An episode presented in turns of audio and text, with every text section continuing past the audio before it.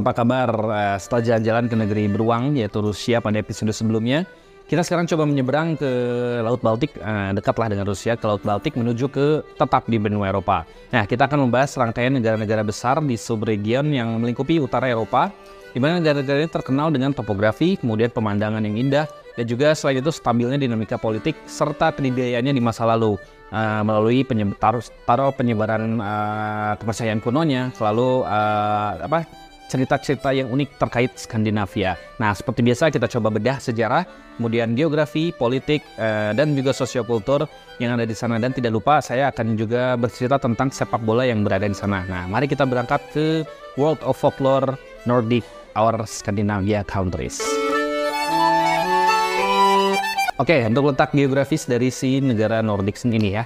Negara Nordik ini terletak di gugusan utara Eropa, membentang dan merupakan rangkaian wilayah negara eh, memanjang dari timur ke barat dan juga eh, beberapa pulau yang berdaulat di mana hampir semuanya ini melingkupi seluruh wilayah utara, wilayah utara benua Eropa ya, dan juga berbatasan langsung dengan wilayah Eropa Barat dan Eropa Timur gitu.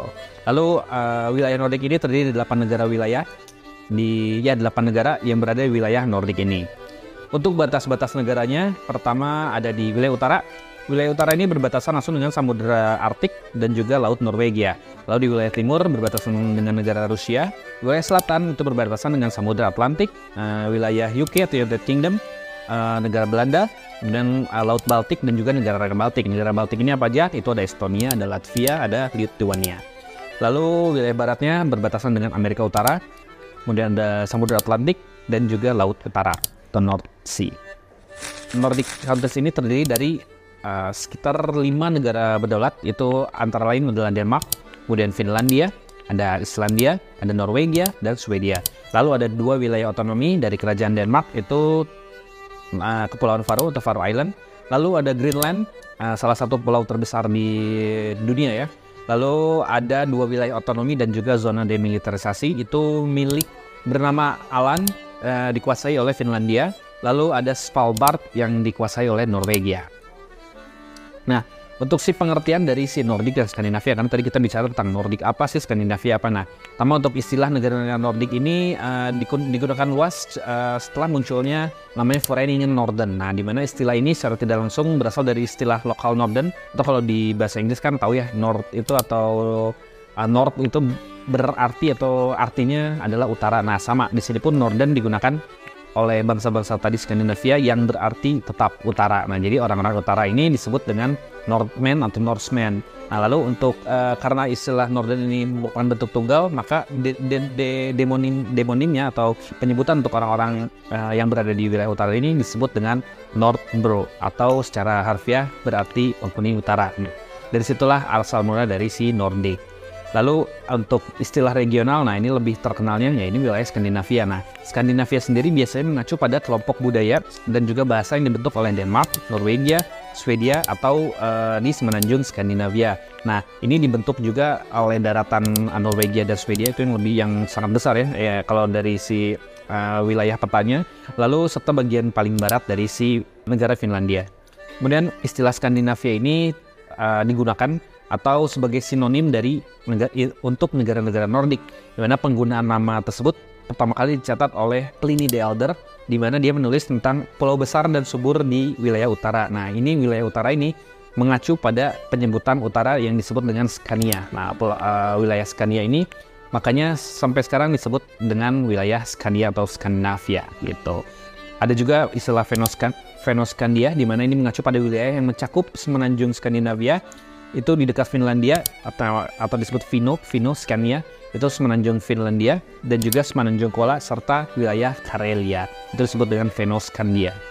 Juga ada juga istilah the Cape of the North. The Cape of the North ini uh, merupakan terdiri dari provinsi atau beberapa uh, wilayah yang berada di beberapa titik di negara-negara Nordik. Itu uh, antara lain ada Lapland di Finlandia, lalu ada Finnmark, Nordland dan Troms di Norwegia, dan juga ada Lapland atau Norbotten di wilayah Swedia. Nah ini uh, sering disebut sebagai Cape of the North atau uh, topinya dari si benua Eropa Utara. Lalu ada juga kawasan Arktik ini menyeberang karena berbatasan dengan Laut Arktik di wilayah utara atau di wilayah kutub utara lah sebutlah. Itu berada sekitar lingkaran Arktik yang melingkupi tiga negara Nordik antara lain Norwegia, Swedia, dan Finlandia. Dan juga ada beberapa tadi di uh, Semenanjung Kola yang berada di Finlandia.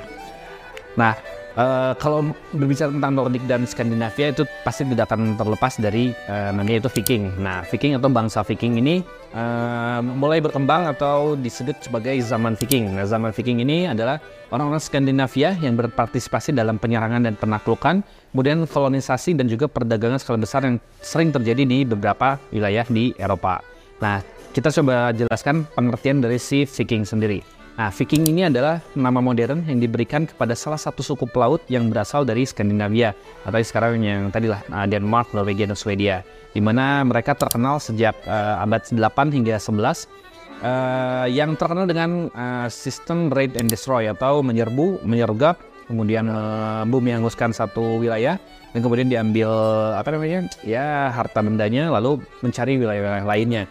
Nah, uh, mereka ini juga uh, tercatat pernah melakukan perjalanan uh, yang lumayan jauh ya, kadang ke wilayah Mediterania atau ke Laut Tengah, lalu ke wilayah Afrika Utara, ke wilayah Timur Tengah juga.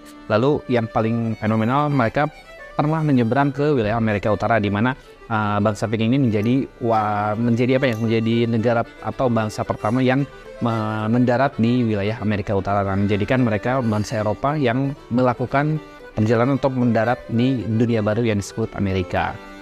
Kemudian Ya periode tersebut disebut atau dikenal sebagai zaman Viking dan istilah Viking ini juga uh, menjadi umum ya atau menjadi umum uh, sebagai sebutan dari orang-orang yang berasal dari Skandinavia ataupun dari wilayah Nordik atau wilayah Eropa Barat. Tuh.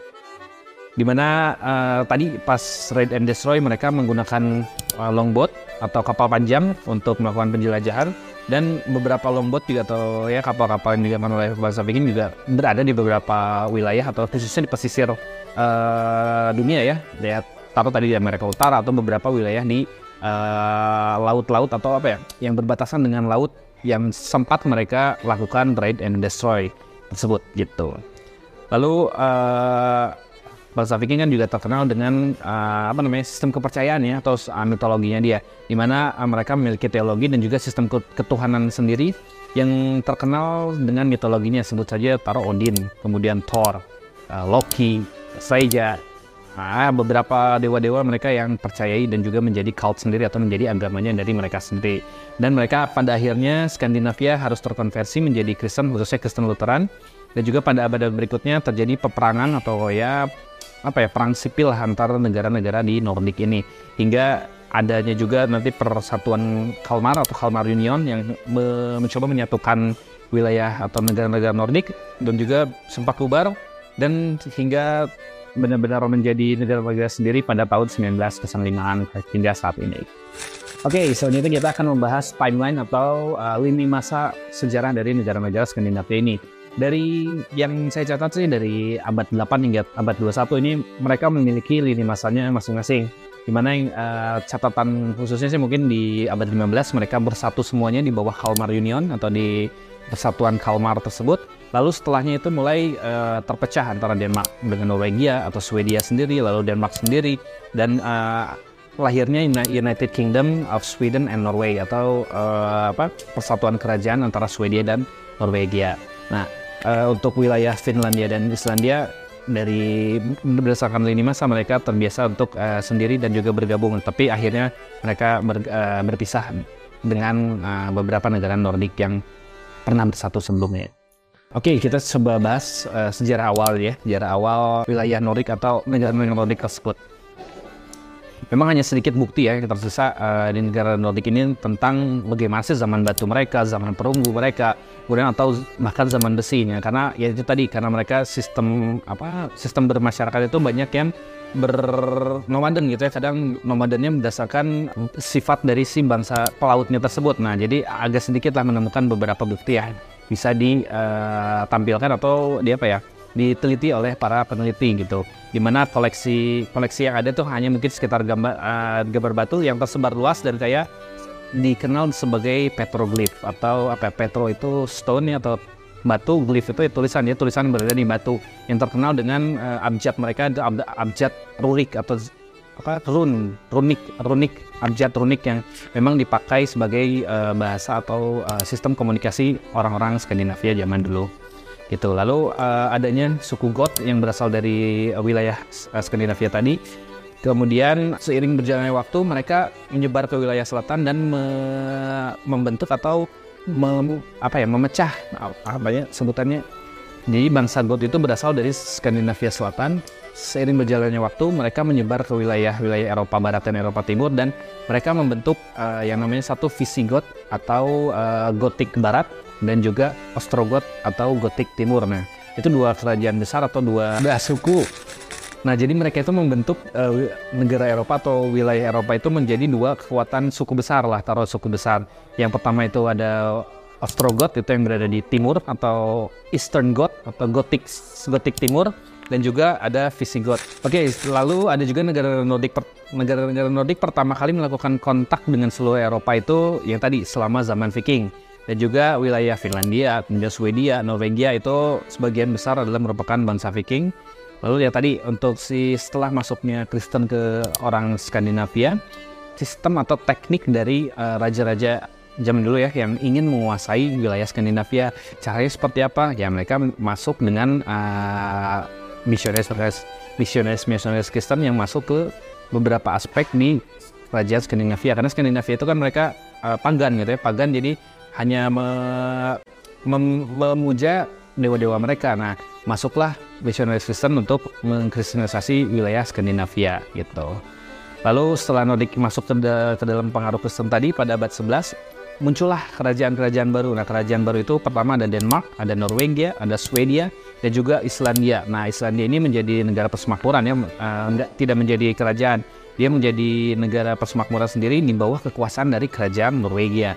Lalu ada beberapa kerajaan sekuler lah negara-negara yang tujuan uh, apa ya ada satu negara itu yang yang tidak tidak tidak memiliki sistem kerajaan yaitu Finlandia. Nah, Finlandia ini uh, tidak berada di bawah siapa pun, hanya ada upaya dari orang-orang Swedia dan orang-orang uh, Norwegia untuk men menjadikan Finlandia ini sebagai wilayah dari si kerajaan uh, mereka.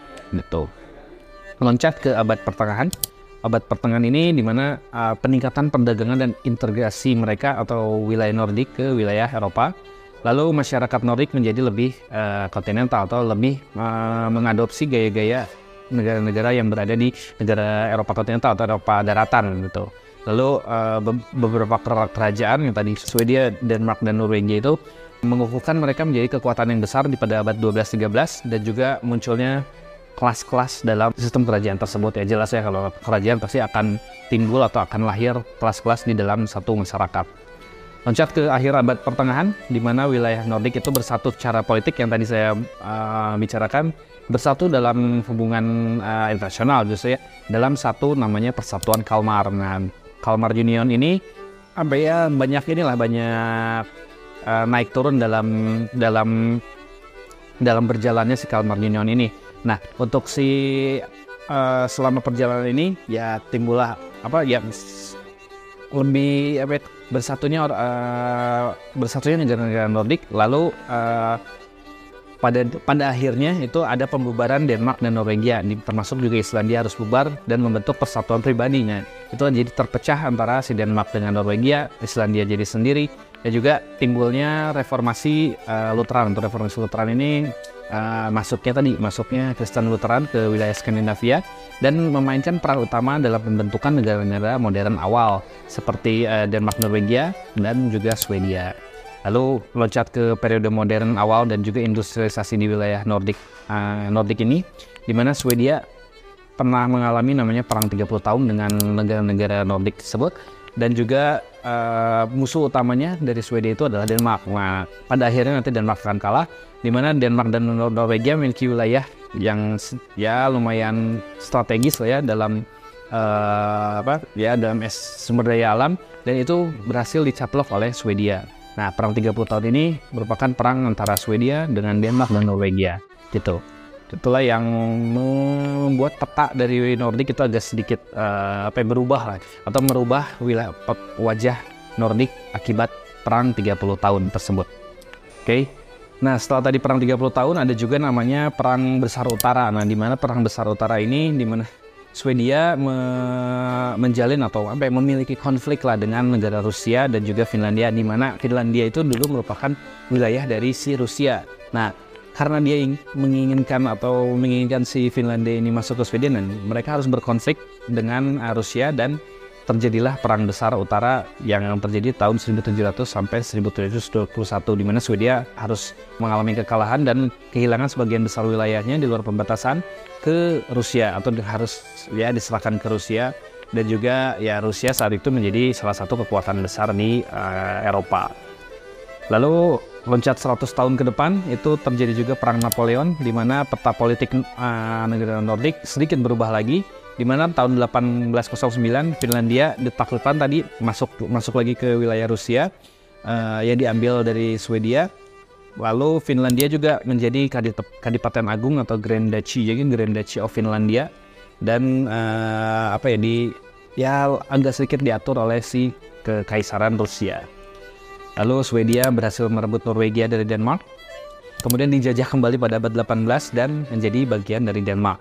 Lalu Islandia Poland Faro, Greenland itu yang dulu sempat dijajah tadi oleh Swedia diambil alih oleh Denmark dan menjadi bagian dari negara Denmark. Lalu mulai atau dimulainya industrialisasi, industrialisasi, industrialisasi ini membawa perubahan dari beberapa atau dari negara Nordik tersebut selama abad ke-19 dan juga menimbulkan kelas sosial baru dan mengarahkan sistem politik yang baru pada abad tersebut yaitu sistem demokrasi. Di mana mulailah uh, warga atau rakyat-rakyat ini mulai berkumpul dan membentuk partai-partai politik dan menentukan arah dari si negara-negara yang berada di wilayah Nordik di mana uh, tadi politik internasional dan nasionalisme juga uh, hadir dan juga menciptakan prasyarat bagi kemerdekaan Norwegia yang tadi berhasil merdeka pada tahun 1905. Lalu Finlandia berhasil merdeka juga pada tahun 1919 dan Islandia pada tahun 1944.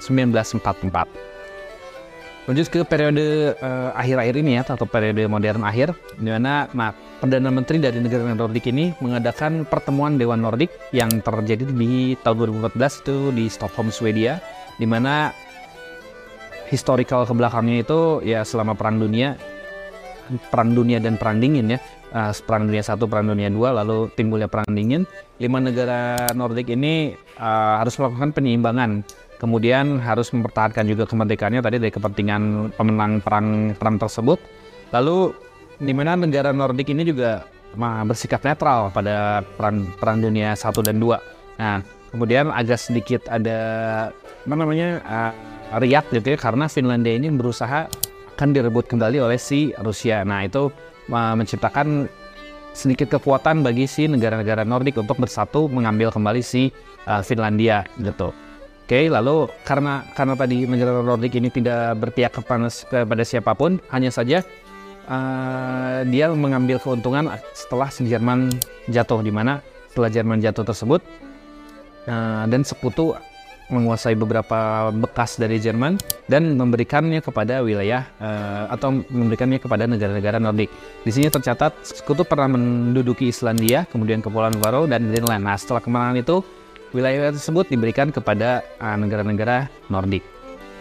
Nah, setelah tadi Perang Dunia II itu lewat, Ya, dibandingkan dengan negara-negara besar Eropa, kawasan Nordik ini tidak mengalami kemajuan pesat ya. Karena apa ya? Karena mereka juga selain netral juga tidak memihak siapa pun ya. Tidak ada keuntungan apa pun setelah menang. Tapi hanya tadi saja yang pemberian wilayah yang ditinggali oleh sekutu pada uh, akhir Perang Dunia Kedua. Nah kemudian setelah itu ya ekonomi ya stabil lah, stabil dan stagnan. Lalu uh, di sisi politik itu ada gerakan buruh, baik serikat pekerja ataupun partai politik itu menjadi politik baru juga, politik baru setelah uh, selesainya Perang Dunia Kedua. Lanjut ke uh, abad sekarang atau negara Nordik pada abad ke-20 di mana tadi partai-partai besar yang berhaluan sosial demokrat ini menjadi dominan setelah Perang Dunia Kedua dan menjadikan negara-negara Nordik ini sebagai uh, model negara sejahtera atau the welfare state di mana menjadi uh, ya percontohan lah bagi beberapa negara yang mengalami ke kehancuran atau runtuh memandang negara Nordik ini sebagai negara yang uh, apa ya mensejahterakan rakyatnya. Nah, itulah mulai di abad ke-20 ini negara Nordik sebagai uh, apa ya disebutnya deh? Uh, percontohan sebagai percontohan dari si uh, negara yang meng, meng, apa me, mengadopsi sistem the welfare state atau negara kesejahteraan. Kemudian ya secara ekonomi kelima negara Nordik ini sangat bergantung pada ya perdagangan luar negeri, perdagangan negeri karena kalau misalnya kita lihat dari si uh, sumber daya alam mungkin agak sedikit uh, tidak mungkin tidak tidak tidak se uh, bagus dari Eropa kontinental. Karena mereka memiliki alamnya saja untuk wisata bisnis tourism ya uh, bisnis tu, bisnis pariwisata lah Denmark Denmark adalah negara pertama yang bergabung dengan MEE atau Masyarakat Ekonomi Eropa pada tahun 1972 lalu menjadi anggota Uni Eropa. Itu pada tahun 93 diikuti oleh Finlandia dan Swedia yang bergabung pada tahun 95 lalu uh, Norwegia dan Islandia juga menjadi anggota uh, EFTA atau European Free Trade area atau Asosiasi Perdagangan Bebas Eropa dan juga uh, hampir seluruh negara Nordik ini menjadi anggota dari wilayah ekonomi Eropa atau European uh, namanya European Zone European Economy Zone atau zona ek, atau wilayah ekonomi Eropa. Oke, sekarang kita bicara dimensi dan perpecahan politik di wilayah Nordik. Nah, Kawasan Nordik sendiri sih memiliki dimensi politik dalam badan resmi gabungan yang disebut dengan Dewan Nordik atau Nordic Council gitu ya. Dan juga Dewan Menteri Nordik. Nah, di mana Dewan Dewan Nordik tersebut awal mulanya itu berdasarkan dari perjanjian Helsinki. Perjanjian Helsinki ini ditandatangani pada tanggal 23 Maret 1962 dan mulai berlaku pada tanggal 1 Juli 62 di mana uh, ini merupakan perjanjian politik yang menetapkan kerangka kerja bagi wilayah negara-negara Nordik. Nah, sehingga tanggal 23 Maret tersebut diperingati sebagai Hari Nordik. Hari Nordik atau sebagai apa ya hari di mana mereka bersatu kembali dalam bidang politiknya. Beberapa negara ini bergabung atau bersatu dalam hal politik dan juga ekonomi. Nah, itulah itulah awal mula dari si uh, perjanjian Helsinki. Di, di, dimulai dari perjanjian Helsinki dan membentuk Dewan Nordik dan juga Dewan Menteri Nordik gitu. Oke, saya akan memberikan informasi negara-negara Nordik tadi termasuk pertama nama aslinya apa, wilayah dari si negara tersebut berapa, penduduknya apa dan juga beberapa agama yang mereka anut. Pertama ada Swedia itu bernama asli Sverige. Untuk uh, wilayahnya itu ada 450.295 km persegi di mana penduduknya terdiri dari 10.261.000 penduduk. Kemudian Norwegia itu nama aslinya Norge uh, memiliki wilayah 385.207 km persegi dengan jumlah penduduk 5.500.000 uh, penduduk. Lalu ada Finlandia, itu bernama aslinya itu Suomen atau Suomi, dan memiliki area sekitar 338.000 uh, km persegi, memiliki penduduk kurang lebih sama dengan Norwegia sekitar 5.500.000 uh, penduduk. Lalu ada Islandia, di mana nama aslinya itu Island atau ya Iceland gitu dengan total area atau total wilayah sebesar 103 103.000 km persegi dengan dengan penduduk hanya 354.000 saja. Lalu ada Denmark dengan nama asing Danemark itu memiliki wilayah 43.000 km persegi. Lalu untuk penduduknya ini lumayan agak banyak atau uh, lumayan banyak lah ya di wilayah Nordik itu di 5.800.000 penduduk. Lalu ada beberapa tadi yang wilayah otonomi itu ada Alan itu disebut The Landskapet itu memiliki wilayah 1580 km persegi dengan jumlah penduduk hanya 29.000 saja. Lalu ada Kepulauan Paro yang disebut Foroyar itu memiliki wilayah di 1393 km persegi dengan jumlah penduduk 50.000 penduduk. Lalu ada Greenland atau The Groenland itu pulau terbesar dengan luas wilayah 2.166.000 uh, km persegi dan hanya memiliki uh, rakyat atau penduduk sebesar 55.000 penduduk. Ada juga Svalbard yang dikuasai oleh Norwegia itu memiliki luas wilayah 61.000 dengan uh, total penduduk hanya 2.530 penduduk. Oke, lanjut ke sistem pemerintahan yang ada di negara Nordik. Untuk Swedia sendiri beribu kota di Stockholm, kemudian mata uangnya krona. Untuk si sistem pemerintahannya itu berbentuk unitary parliament, uh, constitutional monarki. Kenapa constitutional monarki? Karena dia masih berada pada uh, sistem kerajaan di mana untuk sisi kepala negaranya itu dipimpin oleh Karl 16, Karl Gustav ke-16 dan perdana menterinya dipimpin oleh Ulf Kristersson. Lalu untuk si Norway itu beribu kota di Oslo, mata uangnya sama pakai krone. Untuk si sistem sistem pemerintahnya masih sama seperti Swedia, unitary parliament, constitutional monarchy atau masih dipimpin atau dikepalai oleh King Harald V dan uh, dipimpin sistem pemerintahnya dipimpin oleh Jonas Gahr Store itu sebagai perdana menteri. Lanjut ke Finlandia, itu beribu kota di Helsinki. Dengan mata uangnya ini sudah berbeda dengan negara lain. Dia memakai euro. Karena apa ya, sudah mungkin uh, mengadaptasi atau mengadopsi sistem keuangan euro dibandingkan dengan krona. Untuk sistem pemerintahnya ini agak uh, agak sedikit unik karena dia merupakan republik atau unitary parliament republik. Dia, untuk pemimpinnya atau presidennya itu dipimpin oleh Sauli Isito sebagai presiden dan Petteri Orpo sebagai prime minister atau perdana menteri. Lalu untuk Islandia ini satu pulau kecil ya, uh, itu beribu kota di Reykjavik. Itu untuk mata uangnya masih pakai krona, untuk si sistem pemerintahnya dia republik juga atau Unitary Parliament Republic. Dipimpin oleh Presiden Gunni Johannesson dan Perdana Menterinya Katrin Jakobsdottir. Lalu ke Denmark, ini di ibu kota di Copenhagen, mata uangnya merupakan krona dan sistem pemerintahnya masih unitary parliament dan konstitusional monarki karena mereka masih menganut sistem kerajaan di mana si pemimpin kerajaannya itu dipimpin oleh Ratu Margrethe terus untuk perdana menterinya dipimpin oleh Mate Frederiksen. Kemudian untuk Alan yang, di, yang dikuasai oleh Finlandia atau merupakan wilayah di Finlandia itu beribu kota di Mariehamn. Lalu untuk Kepulauan Faroe itu beribu kota di Torshavn. Untuk Greenland itu beribu kota di Nuuk dan Svalbard yang dikuasai Norwegia itu beribu kota di Longyearbyen.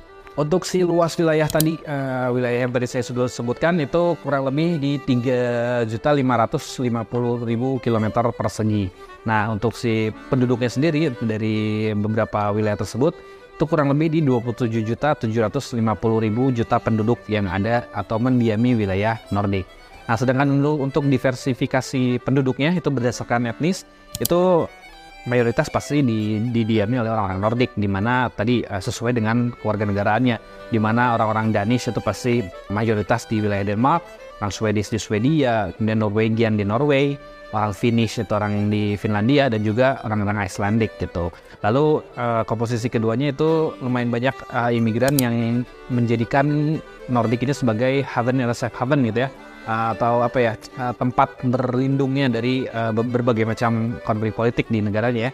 Itu banyak imigran dari dunia Arab uh, menuju ke wilayah Nordik dan juga pada tahun 90 setelah pecahnya perang uh, Yugoslavia itu mereka menuju ke wilayah Nordik makanya beberapa imigran uh, memiliki keluarga yang menetap di wilayah Nordik.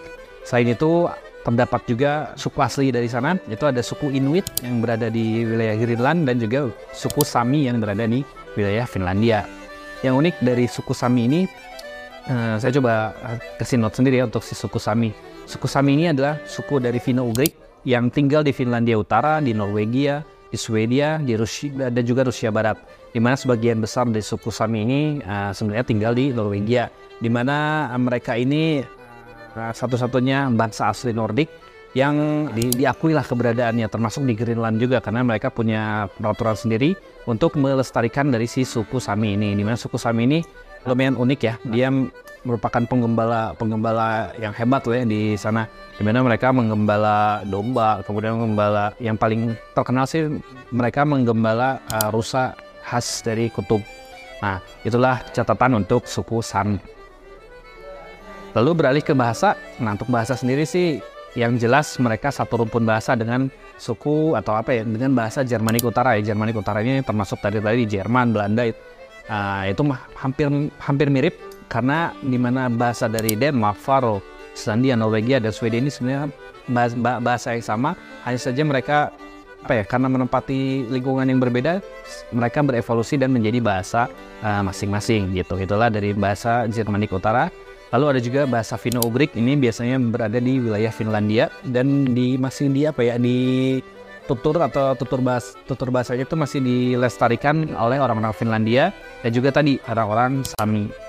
Ada juga bahasa Eskimo atau Alet ini masih dilestarikan di wilayah Greenland dan juga di wilayah Kalalisut dan juga ini uh, merupakan salah satu bahasa asli yang masih dilestarikan di wilayah Greenland yang dikuasai oleh Denmark.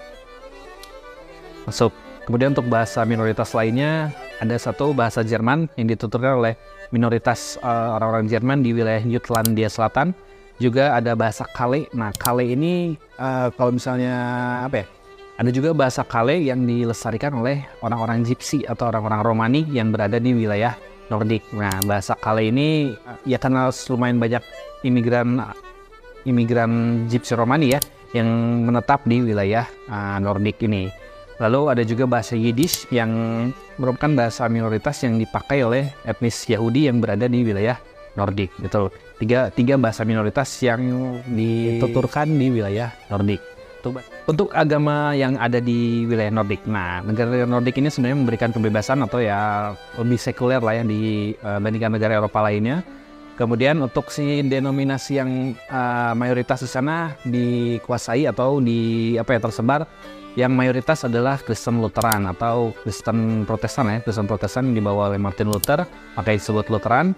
Lalu denominasi lainnya seperti Katolik, eh, Ortodoks itu menempati urutan kedua di agama yang ada di wilayah Nordik. Saya itu masih ada juga yang apa melestarikan budaya pagan mereka, ya pagan Jermanik yang tadi uh, mereka masih menyembah Odin dan sebagainya atau beberapa dewa lainnya yang masih uh, di apa ya dipuja oleh beberapa minoritas di wilayah Nordik.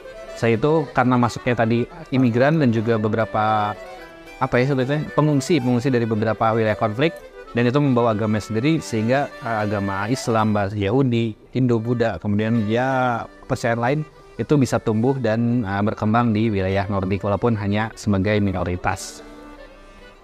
Oke, lanjut ke bendera bendera Nordik. Nah, inilah yang unik, mungkin agak sedikit unik ya, karena beberapa atau hampir seluruh bendera dari Nordik sendiri memiliki pattern atau pola yang sama. Nah, negara Nordik ini termasuk tadi wilayah uh, otonom Faro dan Alan mempunyai desain bendera yang serupa, kemudian semuanya berdasarkan atau mempunyai akar yang sama dari Dannebrog. Dannebrog ini bendera yang dimiliki oleh Denmark dan di mana itu ada merah, hitam, nah itu disebut Dannebrog. Dannebrog sendiri merupakan bendera tertua yang ada di dunia. Nah makanya beberapa uh, negara khususnya di wilayah Nordik mereka memakai pattern yang sama dengan si Dannebrog tersebut. Nah Dannebrog itu apa? Ya itu gambar seperti salib Nordik ya, salib tapi ditidurin itu kan hampir sama seperti salib, di mana uh, masing-masing negara memiliki aspek ukuran atau aspek rasio ukuran yang berbeda satu sama lainnya, dan juga warna yang jelas. Kemudian untuk si yang agak sedikit berbeda itu bendera Greenland dan bendera Sapmi.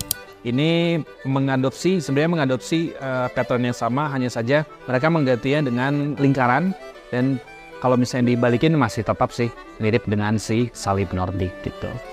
Untuk si ini kita terangkan ya. Untuk Swedia sendiri benderanya itu berbasis ya tetap tadi bendera uh, salib Nordik.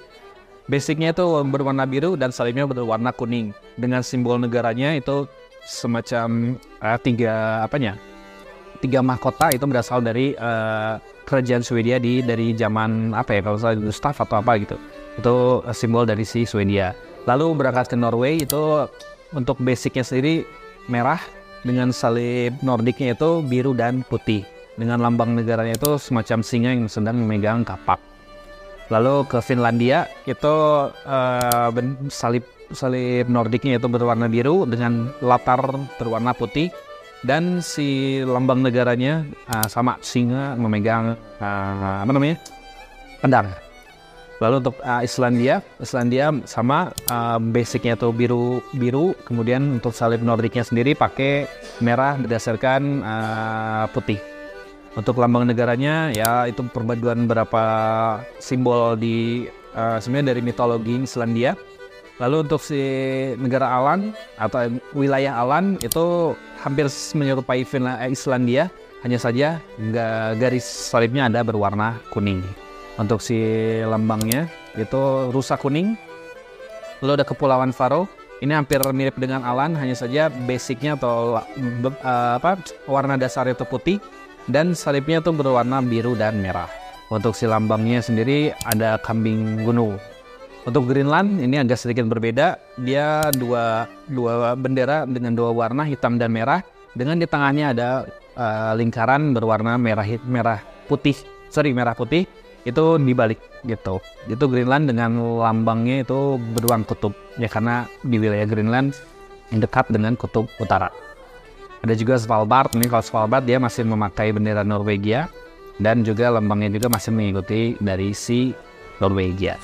Oke, untuk kuis episode kali ini sebutkan bahasa-bahasa apa saja yang berada di wilayah atau negara Nordik ini, termasuk negara eh, termasuk bahasa yang paling mayoritas dan juga bahasa minoritas yang berada atau ditutur bahasakan oleh para penduduk di wilayah Nordik. Silahkan menjawab.